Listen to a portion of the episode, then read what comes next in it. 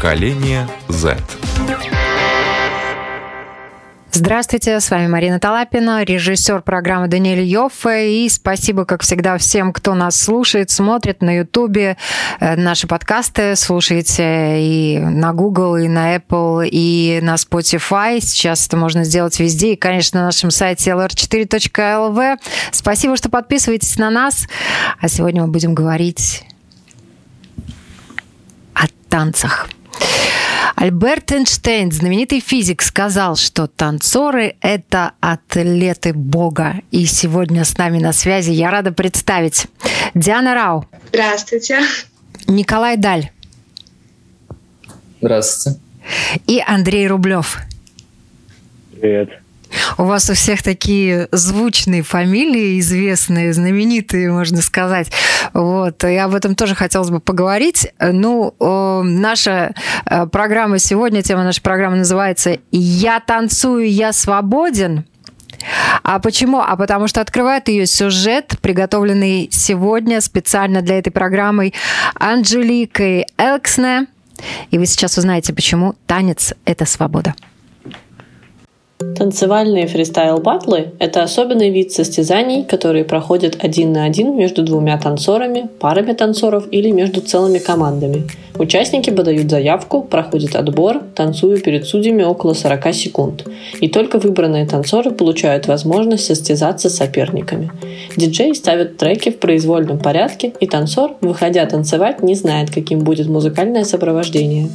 Современные батлы берут начало в танцевальных клубах первой половины 20 века. Танцоров на тот момент было много, и все хотели выйти на сцену клуба, за что потом можно было получить деньги. Такая конкуренция породила своего рода дуэли, на которые танцоры друг друга вызывали. Победителя батла определяли зрители. Выиграв, новичок мог вытеснить постоянного резидента клуба, после чего тот отправлялся ловить удачу в следующем заведении. Фристайл-батлы проводятся среди уличных танцоров, которые танцуют хип-хоп, брейк-данс, хаус, поппинг, локинг, крамп или дэнс-холл. А теперь своей историей и опытом поделится один из известнейших латвийских уличных танцоров, а также постоянный организатор танцевальных батлов Руслан Левченко. Меня зовут э, Руслан Левченко. Э, в танцевальном кругу меня называют Руся. И я танцую с э, 2008, по-моему, или 2007 года. Я смотрел фильмы про типа степап, типа Юга Сорвет, и там были батлы. Когда я пошел танцевать, просто было интересно. И если такая движуха у нас, казалось, блин, прикольно, это так круто, и хотелось что-то такого похожего ощутить. Как, э, как развлекуха, ну, многие этим, наверное, занимаются, балуются, то есть это много где происходит. Но так, чтобы серьезно, ну не сказать, что очень много. Не коммерческое направление, соответственно, для многих, наверное, они не видят в этом потенциала какого-то именно и развития. Поэтому, может быть, им не так интересно это становится, интереснее более, не знаю, те же хореографии танцевать, какие-то шоу вместе ставить. В принципе, да, когда я узнал про первые батлы, я сразу пошел участвовать уже. Но я не пошел, видишь, туда с нуля. У меня уже был какой-то танцевальный опыт маленький. В батлах четко виден уровень подготовки, раскрепощенности, артистичности, умения импровизировать. Поэтому участие в танцевальных состязаниях – это важная ступень развития для танцоров и своеобразное испытание. Каждый может пойти, он может пойти, но не идет. Не все себя чувствуют комфортно, наверное, в этом сразу. Поэтому многие сначала думают, что им надо потренироваться. Ну, в принципе, что и правильно с какой-то стороны. И поэтому как бы сложно сказать, футбол, баскетбол, какие-то такие спорты, ты можешь, в принципе, пойти играть сразу, потому что это более, более понятно, что там надо делать. В танцевальных батлах не все так наверное, ясно. И все-таки нужна какая-то подготовка изначально. Энергия, которая там присутствует, э, те эмоции, которые она вызывает, в принципе, я, наверное, не так много где получал. Своего рода такое здоровое веселье, потому что оно дает какое-то тебе развитие и физическое, и морально тебя как-то заставляет на некоторые моменты задуматься. Поэтому как бы здоровое веселье для меня — Оказывается, танцы были созданы не только для развлечения. Некоторые из уличных стилей родились идеей побороть человеческую агрессию. Так, например, появился самый импульсивный и эмоциональный танцевальный стиль под названием крамп. Чтобы не разговаривать о чем-то и не выяснять это, например, там какими-то драками, это можно выяснить на танцполе тем, какой вот скилл присутствует у кого. Сюжет подготовила Анжелика Элксна, Латвийское радио 4. Поколение Z. Вы представители разных танцевальных направлений, с одной стороны, но с другой стороны, я знаю, что э, вы также знаете и умеете двигаться в разных стилях, да.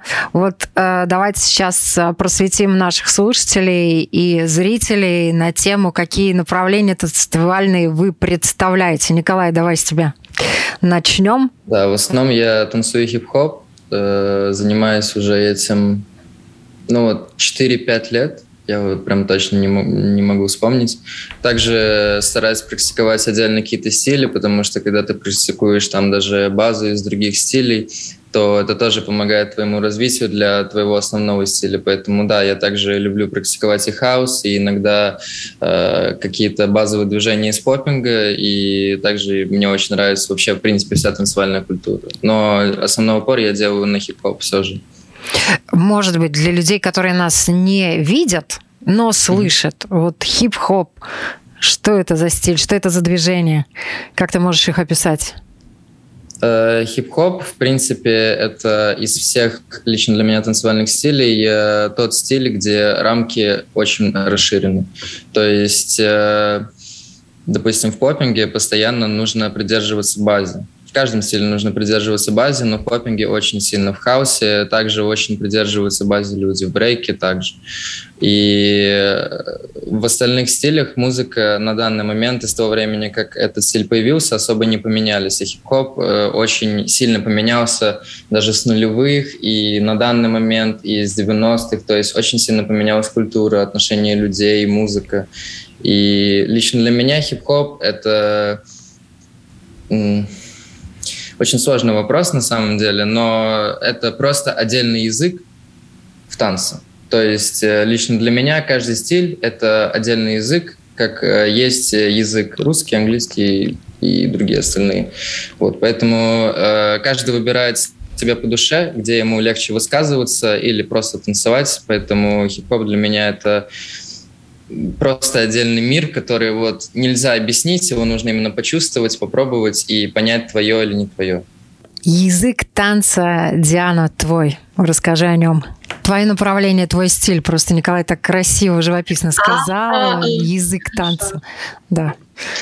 А, я занимаюсь э, хопчиком на данный момент, э, папингом, хаусом. Хаусом начала заниматься этим летом попингом примерно с февраля и также хип-хопом. До этого я танцевала хореографии, вот поэтому чуть-чуть отошла от одной культуры в совсем другую культуру.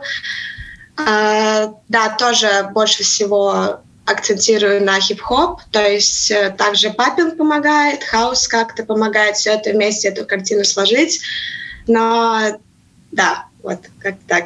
Давай объясним нашим э, уважаемым слушателям, которые, может быть, не знают, что такое поппинг, э, что, что это, что это, что это не от слова э, попа, а это немножко другое значение имеет. А может, возьмите и немножечко изобразите, э, ну, я не знаю, как словами можно описать этот стиль. Это Папник. Ты делаешь, то есть, пап своими пап. мускулами, то есть напряжение. Я не знаю, как это правильно объяснить. На а... самом деле, Коля, может, не знаю. Папинг – это сокращение мышц в теле. То есть вы можете делать пап рукой, э, ногой, да, как бы честом в вашей груди. Вот. И это просто сокращение мышц. Со стороны это может выглядеть немного странно, то, что люди как-то вот так вот дергаются, да, и как будто их подключают понять... Э, к электричеству и отключают. Да, подключают да, да, и отключают. Да. Можно, можно подумать, что с человеком что-то не так, что он дергается, но на самом деле нет, это просто такой вид, именно то, как можно показать этот танец. Вот. И, грубо говоря, это как стиль... Э, там есть подразделения, в каждом стиле есть подразделения, культуры и так далее, и там есть, типа, танцевать как робот, грубо говоря. То есть да. у вас очень специфичное движение, очень ровные углы, там ровно рука так, так, так, да. И вы просто из одной позы в другую также есть и плавные передвижения.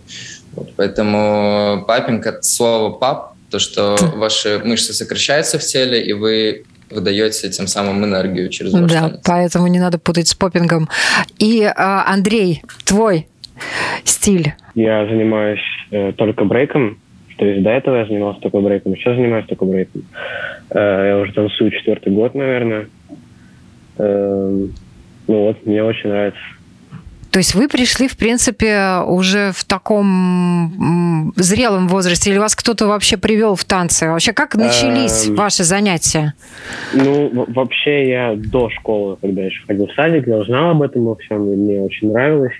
Я типа, может, в интернете видел что-то. И я всегда мечтал пойти, и в первом классе я попал на тренировку. Я занимался какое-то время, и потом, я не знаю почему, может, я был маленький, просто мне как-то перестало это нравиться. Но потом я понял, то, что я хочу вернуться, потому что я хочу ну, заново всем этим заниматься. И вот, наверное, уже четвертый год я ну, серьезно этим начал заниматься. У тебя есть люди, соратники, как много ребят в Риге занимаются брейкингом? Эм, есть Даугавпилса, Стукумса есть пару человек. Э, за границей, то есть там Ступы тоже есть люди, которых я знаю, которые, ну, меня, может, знают. В базе тоже занимаемся с ребятами, с друзьями, с моими, вот. Диан, давай ты, э, вот как ты начала заниматься танцами, с скольки или ты какие это были танцы? Ну, вообще, я начала заниматься народными танцами сначала в первом классе примерно. Потом в классе третьем-четвертом ходила на школьные танцы здесь на районе э, своем. И потом мне сестра посоветовала студию, Доза Дэн Студия, где я сейчас и занимаюсь.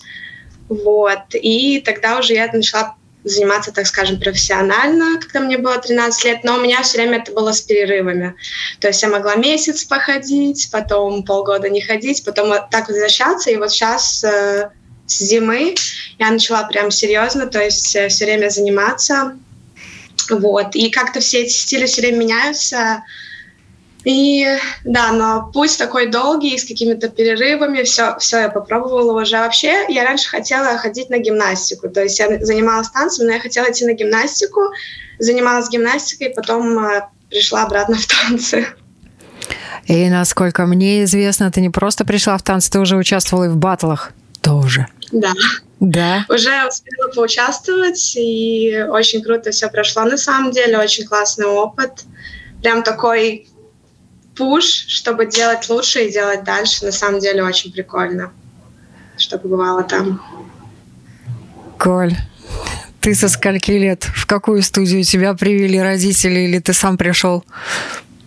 Очень интересная история. У меня многогранный такой путь из одной студии в другую студию. Изначально у классики в школе есть э, занятия бальными танцами. Туда я просто пошел, потому что у меня было очень много энергии, как у любого ребенка в районе 11-12 лет наверное.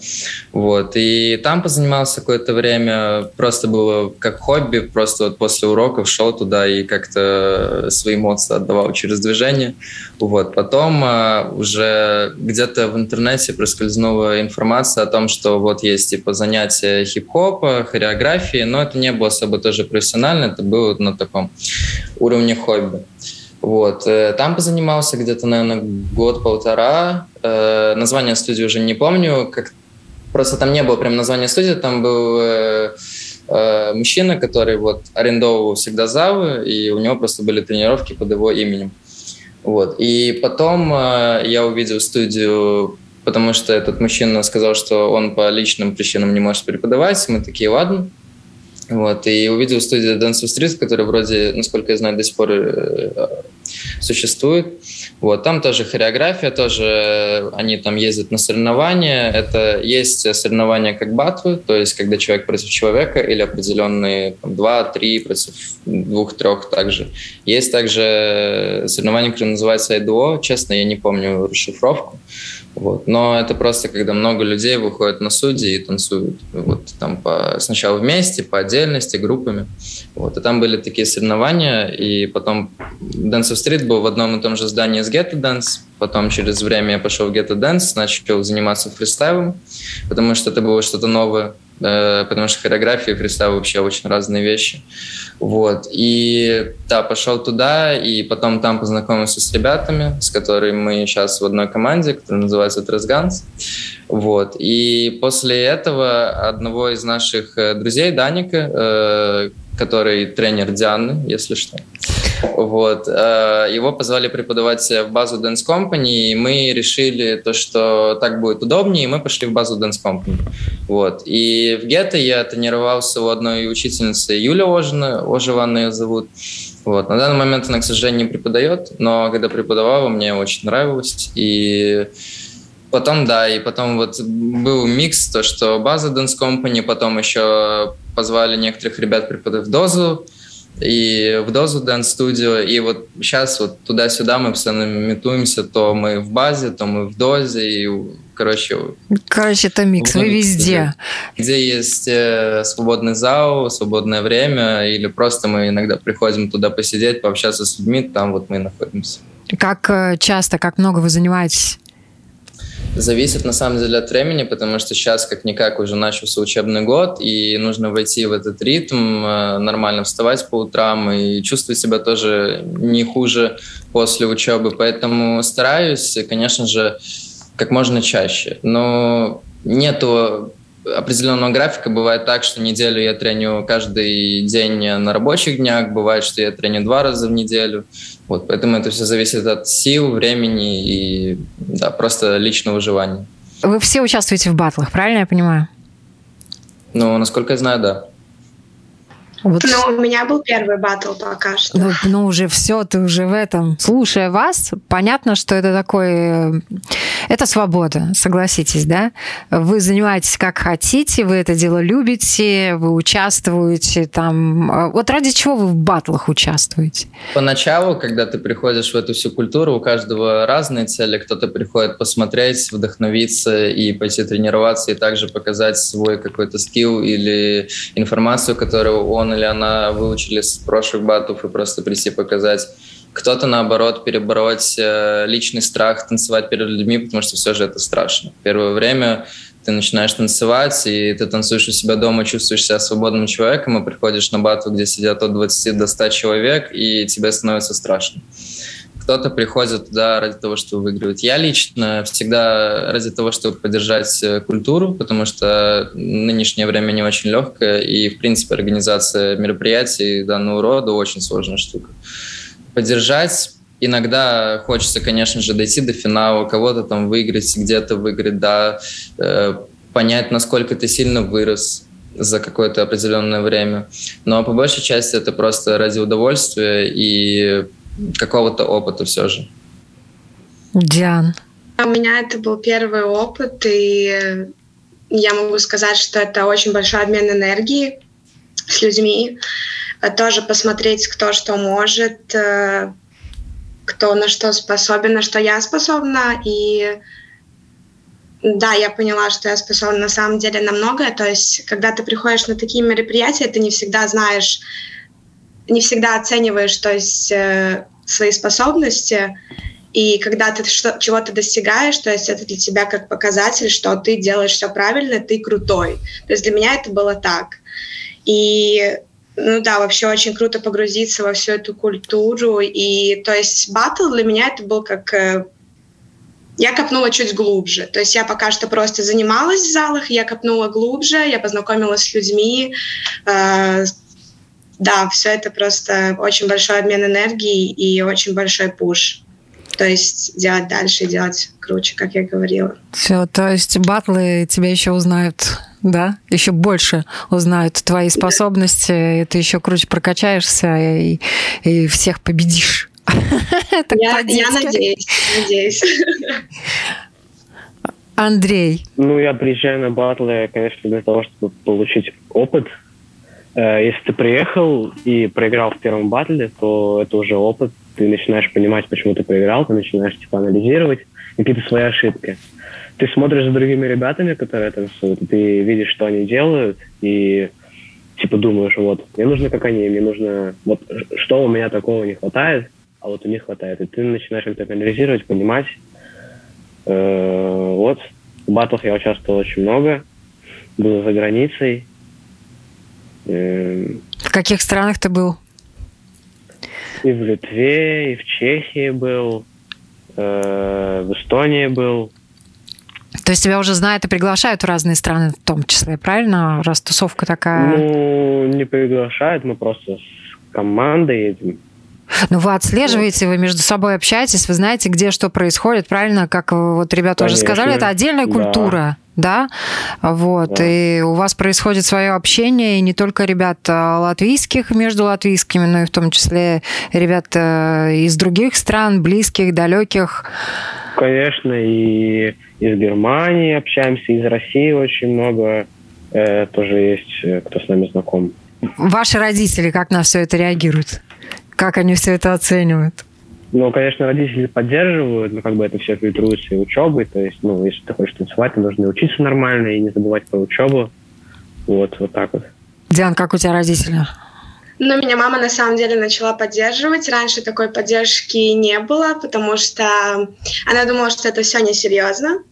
Когда начала видеть, как, что я выставляю видео, что я расту, она начала меня поддерживать, поняла, что я на самом деле этим хочу заниматься.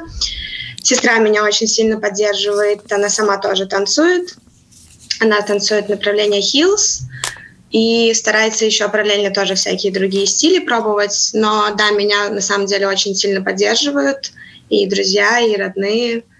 Вот. И потому что, наверное, начинают видеть рост, и что я этим хочу очень серьезно заниматься. Я и говорю это, конечно.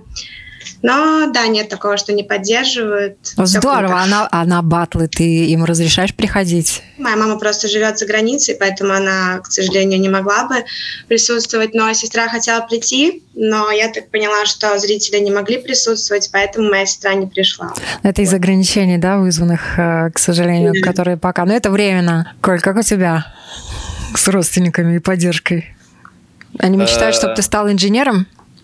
Не, не, нет. Э, у меня, в принципе, вот я учусь в Виктория э, профессиональной школе на ТВ-видеооператора, поэтому у меня, в принципе, что профессия, на которой я очень связана с творчеством, что танцы тоже творчество. Поэтому и у меня родители, на самом деле, тоже по-своему интересуется тем вообще, что нынешнее поколение чем занимается, ищет каких-то активных людей. То есть меня мама очень сильно поддерживает вообще со всех сторон материально, морально, физически, если это возможно. Поэтому у меня никогда не было такого, что я там прихожу в 2 часа ночи после тренировки на протяжении какого-то там месяца-двух, и моя мама говорит, а когда учиться пойдешь?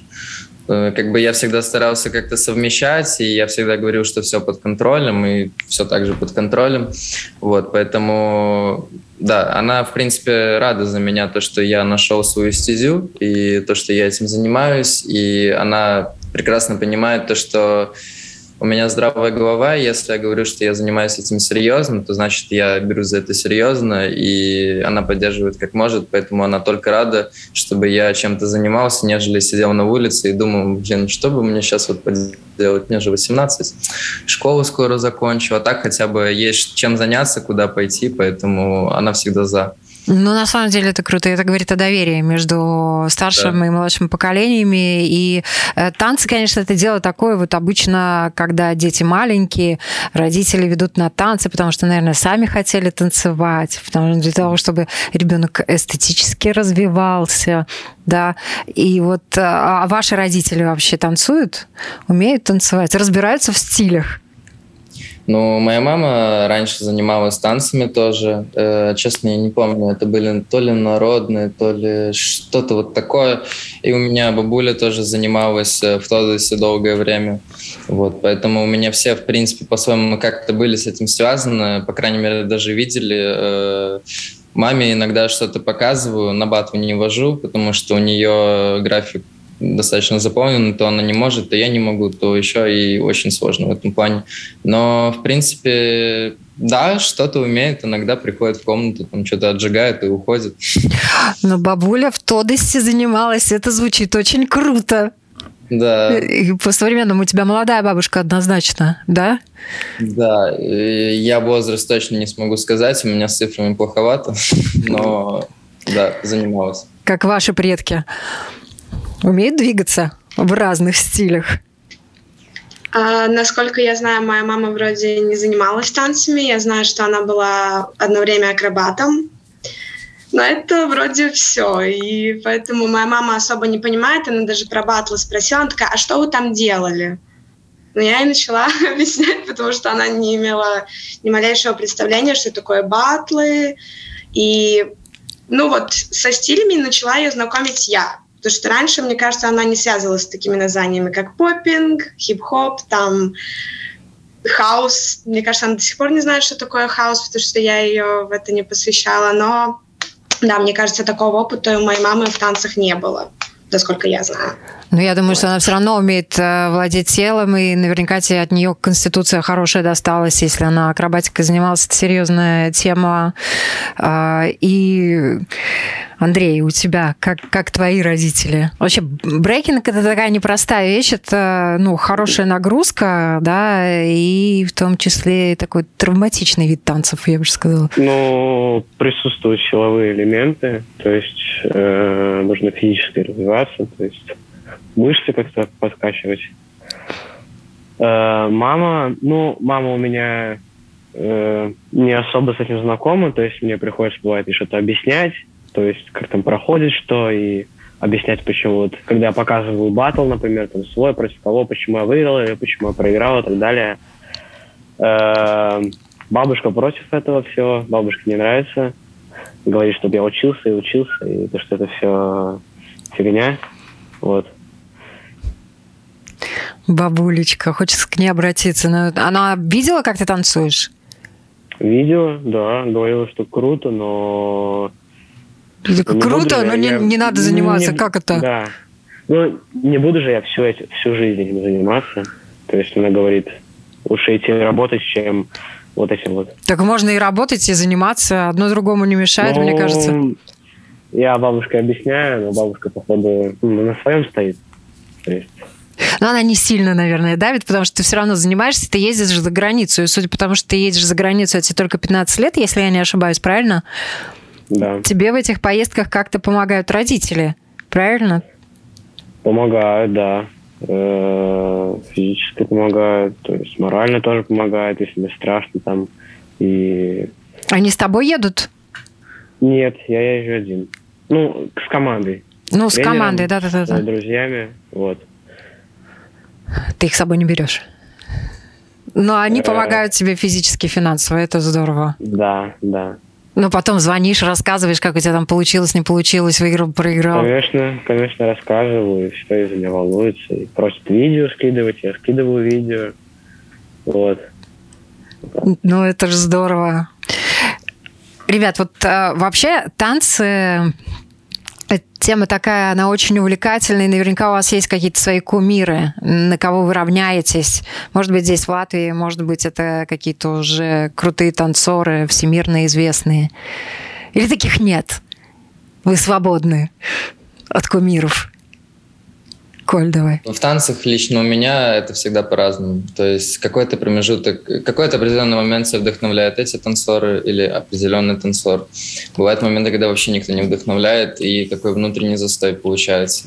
Э, если брать прям основных, то будет логично, наверное, сказать то, что меня вдохновляют, в принципе, сокомандники мои, с которыми мы тренируемся, стараемся тренироваться.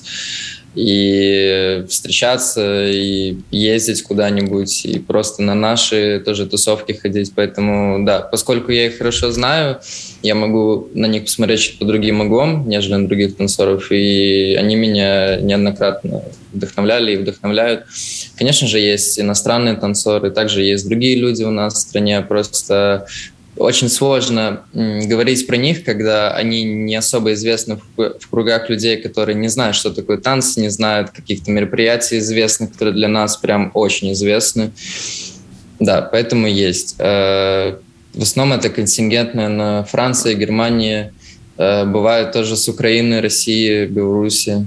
Вот. Поэтому, конечно же, есть. Но не прям идолы, э, кем я восхищаюсь.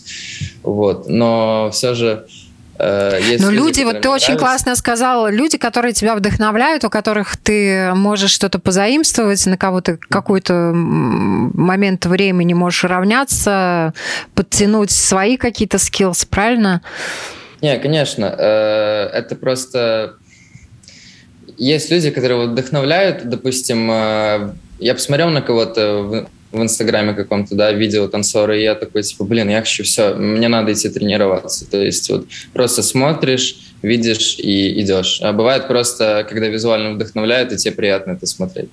Поэтому это всегда по-разному работает, в разные периоды, моменты, и всегда это дает свой какой-то исход. Ну, правильно, в любом случае вы не только в собственном соку варитесь и своей тусовкой, да, вы расширяете горизонты, наблюдаете с другими людьми, да? Я права, Диан?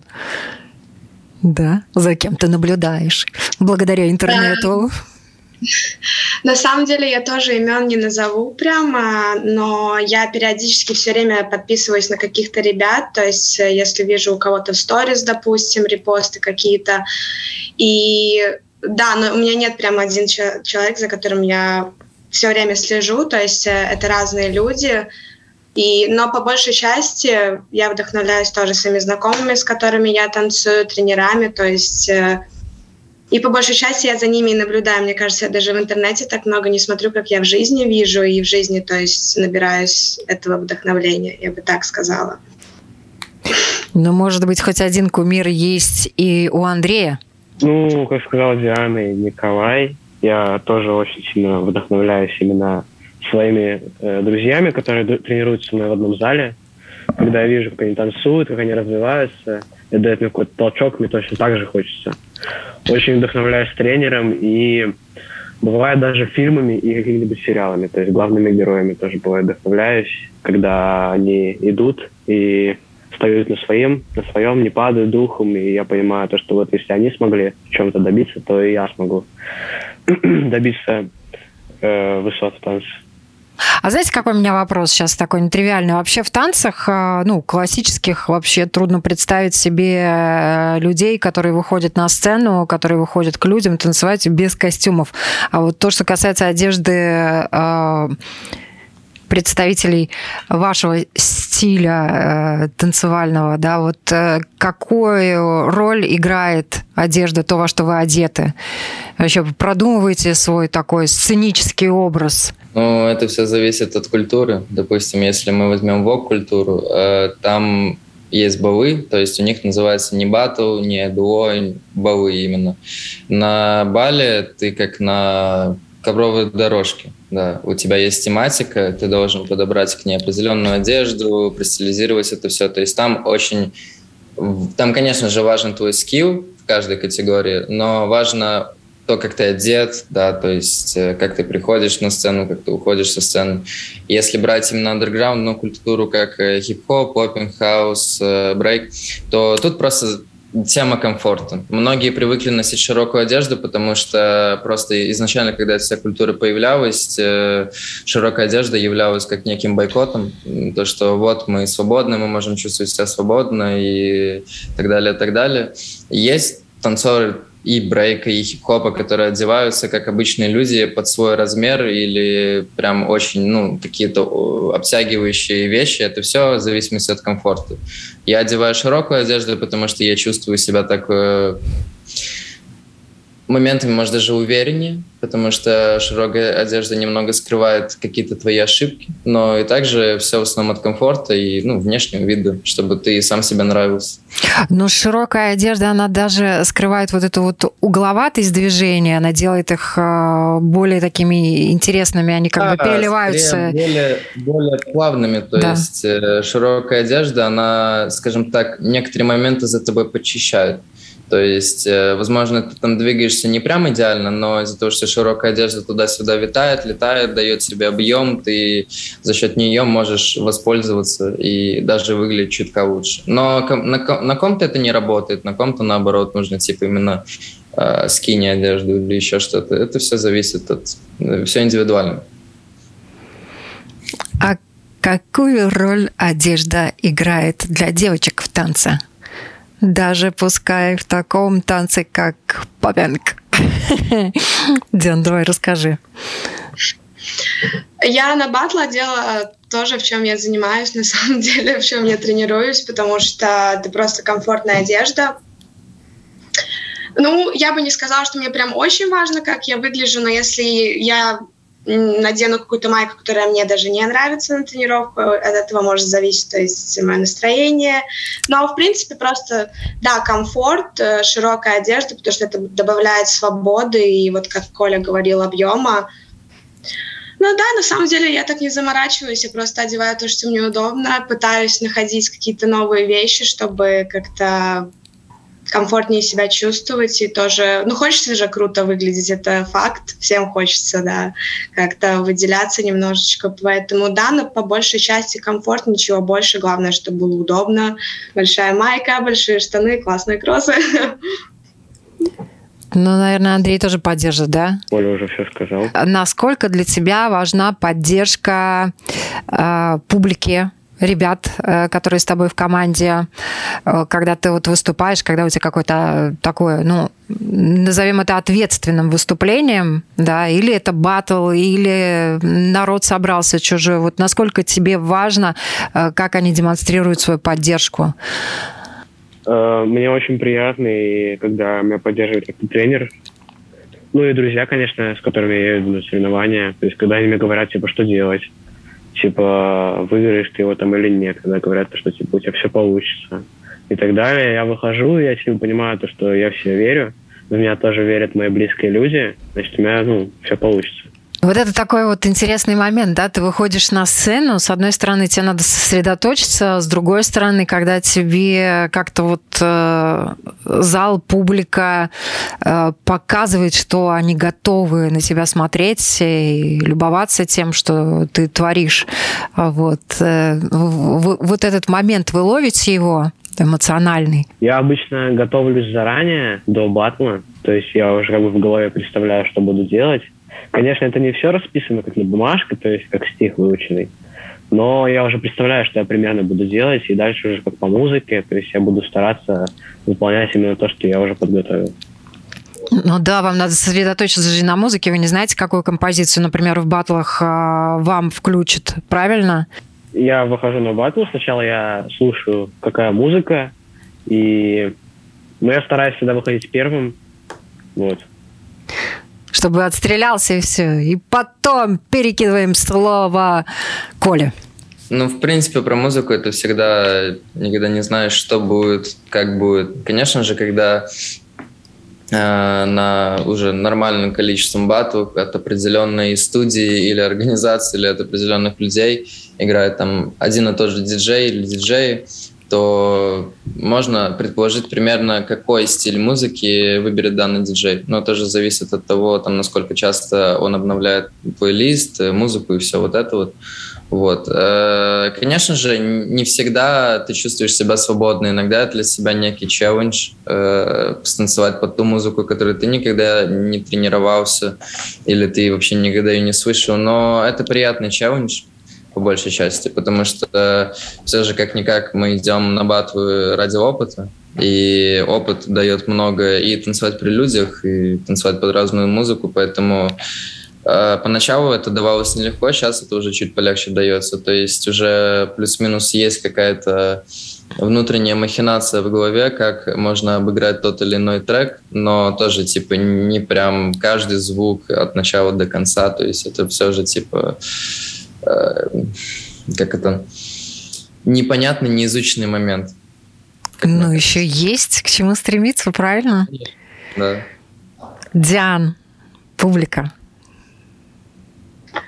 Ну, так как, э, допустим, у меня был только первый батл, во-первых, на, сам, на самом первом выходе я очень волновалась, поэтому эти 30 секунд прошли так, что я вообще не поняла, что сейчас произошло.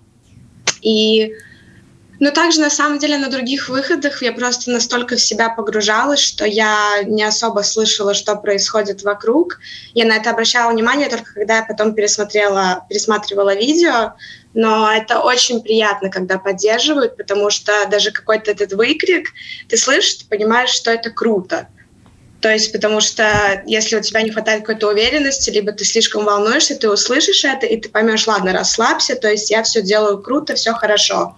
И также я стараюсь поддерживать своих друзей, когда они выходят, даже если мы просто собираемся не, до, не на батле, потому что я знаю, что это... Я не делаю это для того, чтобы получить что-то взамен. Мне просто нравится поддерживать. То есть я знаю, насколько это круто и важно, когда тебя поддерживают, поэтому да. Но мне, конечно, приятно, но нет такого, что если я не слышу поддержки, я расстраиваюсь, потому что я как-то вхожу в свой мирочек немного и просто делаю то, что мне нравится. Но я думаю, что вы со мной согласитесь, что язык э, танцев, как Николай сказал, да, и вообще танец, э, современный, любой, наверное, танец, э, даже народный по-своему, но вот именно такие танцы, где вы индивидуально можете себя показать, проявить, где вы можете достаточно свободно двигаться, пускай даже под какую-то заданную музыку, это однозначно самовыражение, да, это такое откровение да, это э, твой рассказ о чем-то, пускай даже непонятный зрителям, да, но это, это язык тех самых жестов, эмоций, которые в тот момент вы испытываете. Вообще о танцах, как я уже сказала, очень много написано, очень красивых фраз. Э, например, пару сотен лет назад одна известная писательница Джейн Остин написала, что кто интересуется танцами, тому ничего не стоит влюбиться на самом деле. Вот. А есть какие-то такие вот, а, я не знаю, а, фразы, которые вы держите в своей голове по поводу танцев? На тему танцев. Что для вас танцы? В принципе, как я уже в самом начале говорил, танец — это язык без слов, то, что ты можешь общаться с другими танцорами, которые также танцуют, и не в зависимости от того, какой стиль. А, просто вот вы общаетесь и языком э, движений, языком тела, да, то есть вообще вы ничего не говорите, вы просто танцуете, вас понимают на данный момент, какие вы эмоции показываете, да, типа как вы обыгрываете трек, какую энергетику вы даете. Э, наверное, в плане танцев э, единственная фраза, а в плане тренировок э, постоянно, когда смотрю на кого-то, кто выше меня уровнем или уже там какой-то кумир для кого-то, просто миллионно известный танцор, человек, хореограф, кто угодно. У меня просто постоянно э, фраза в голове, вот почему он или она смогли так сделать, такого достичь, а я не могу. Вот, поэтому это всегда держится в голове и всегда некая мотивация постоянно. Идти тренироваться, изучать что-то новое, постоянно самоанализ проводить и также ездить везде. Диана, батла, я помню, мне мой тренер Даник до батла говорил, главное, оставайся трушной к себе, то есть э, не ври сама себе, э, будь такая, какая ты есть. Наверное, этого я стараюсь все время придерживаться, то есть просто прочувствовать и сделать это, как я хочу, не как кто-то хочет или как кто-то хотел бы меня увидеть, а так, как я это хочу. И потом уже, то есть люди сами придумывают э, как на это смотреть, но главное, чтобы ты сам был доволен. Вот, и, наверное, просто от этого кайфовать, я от этого кайфую, и поэтому, наверное, появляется какой-то результат, но при этом я стараюсь себя все время тоже, ну, то есть держать в какой-то дисциплине, чтобы все время это делать, чтобы не пропадал скилл также, чтобы узнавать что-то новое. Также просто показывать свои эмоции. Я могу прийти домой, начать от радости танцевать, от того, что мне грустно, могу начать танцевать. То есть просто первое, первым делом заходишь домой, включаешь музыку, от этого отталкиваешься и просто как будто рас, пересказываешь свой день, так скажем, да. То есть это даже так происходит. Но да, просто кайфовать и еще какие-то фразы я тоже на самом деле. Э, Андрей, давай добавь. Э, я считаю, что танцор это можно сказать даже как художник своего рода, потому что Конечно. он танцует, и то есть художник он рисует на, на бумаге, на холсте, и типа по чуть-чуть вырисовывает свою картину. Кому-то может такая картина понравиться, кому-то картина может не понравиться. Вот, вот так вот. Я предлагаю взять всем, кто нас слышал, смотрел на заметку все, что говорили ребята о танцах. Танцы — это самовыражение. Если вам грустно, вы можете подвигаться, потанцевать под любую музыку. И ваша грусть может пройти. Или наоборот, если вы радуетесь, тоже можете потанцевать, и энергии станет еще больше. Спасибо большое за эту беседу. До новых встреч. Всем хорошего дня. Двигайтесь, танцуйте. Это здорово.